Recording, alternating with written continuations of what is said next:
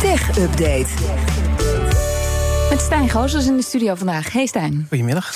De overname door Amazon van Roomba-maker iRobot wordt mogelijk onderzocht door de EU, die stofzuigers. Daar gaat Ja, als je niet weet wat Roomba's zijn, dat zijn die robotstofzuigers, die ronde dingen. Ja, die door een je soort huis grote sjoelschijf. Ja. Precies, die, eh, die rijden al een tijdje rond in menig eh, techhuis. En eh, die, ja, Amazon die heeft interesse getoond in augustus al van vorig jaar. En het bedrijf wil eh, 1,7 miljard euro betalen aan het bedrijf. voor het bedrijf. En dat zou, dat zou ik zelf niet zo snel betalen voor een, voor een eh, robotstofzuiger, denk ik. Maar, Nee, eh, niet voor één, nee. Nee, niet voor één, maar misschien voor het hele bedrijf. Dat schijnt eh, Amazon dan te willen.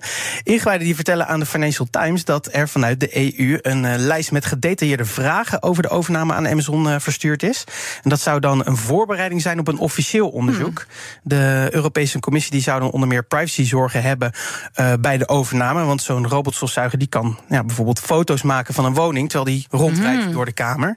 En het onderzoek die gaat dan over hoe Amazon die beelden na de overname zou kunnen combineren met spraakassistent Alexa. Om dan concurren- concurrentievoordeel te hebben.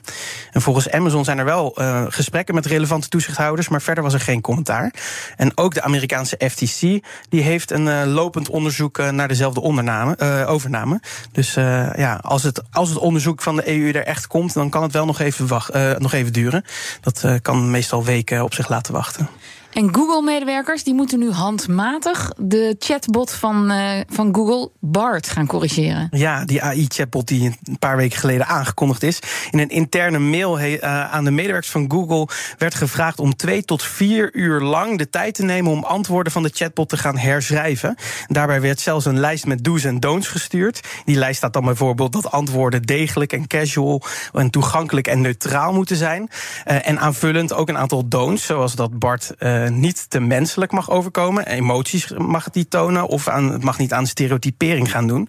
En als Bart dan juridisch, medisch of financieel advies geeft, dan moeten medewerkers dat echt expliciet rapporteren en niet per se gaan herschrijven. En dan denk je, ja, wat krijg je daar dan voor als je dat als medewerker, te- als je daar twee tot Ja. vier uur de tijd in steekt? Nou, Google is gul. Je ontvangt dan een enige echte MoMA-badge in je De werknemersprofiel. MoMA-badge, ja. Ja, geen idee. En, eh, Wat is dat? De tien, dat is een speciale badge die je kan, eh, ja, digitaal dan kan, kan dragen binnen het bedrijf.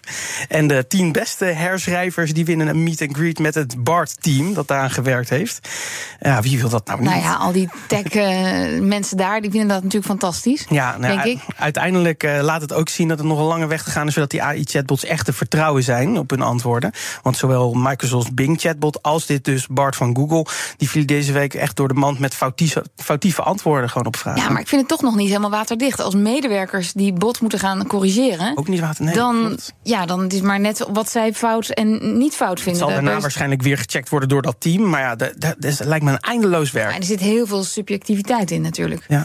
En dan, Apple is van plan om je berichtjes te laten voorlezen door je eigen stem. Ja, op dit moment kun je natuurlijk berichten al laten voorlezen door Siri als, als er een berichtje binnenkomt. Dan moet ik zelf bekennen dat dat in het Nederlands eigenlijk nooit zo goed Ik gewerkt gebruik dat heeft. echt nooit. Nee, ik vind het ook niet fijn. Maar in een nieuw patent beschrijft Apple een soort uitbreiding van die voorleesfunctie. Waarbij je binnen, binnenkomende berichten niet voorgelezen worden door Siri, maar dan door je eigen stem. Of in ieder geval door de stem waarvan het berichtje dan komt, zeg maar. Dus als Kees mij een berichtje stuurt. Dan, dan kan je toch net zo goed inspreken? Ja, precies. Nou ja, eh, voor mensen die dan in een, in een stiltecoupé zitten en toch een berichtje willen sturen.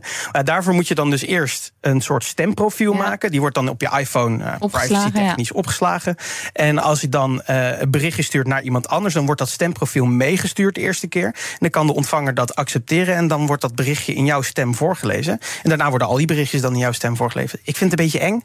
En met, pat- met eh, als het eh, een patent is, dan hoeft het niet per se ook een product te worden. Dat is waar.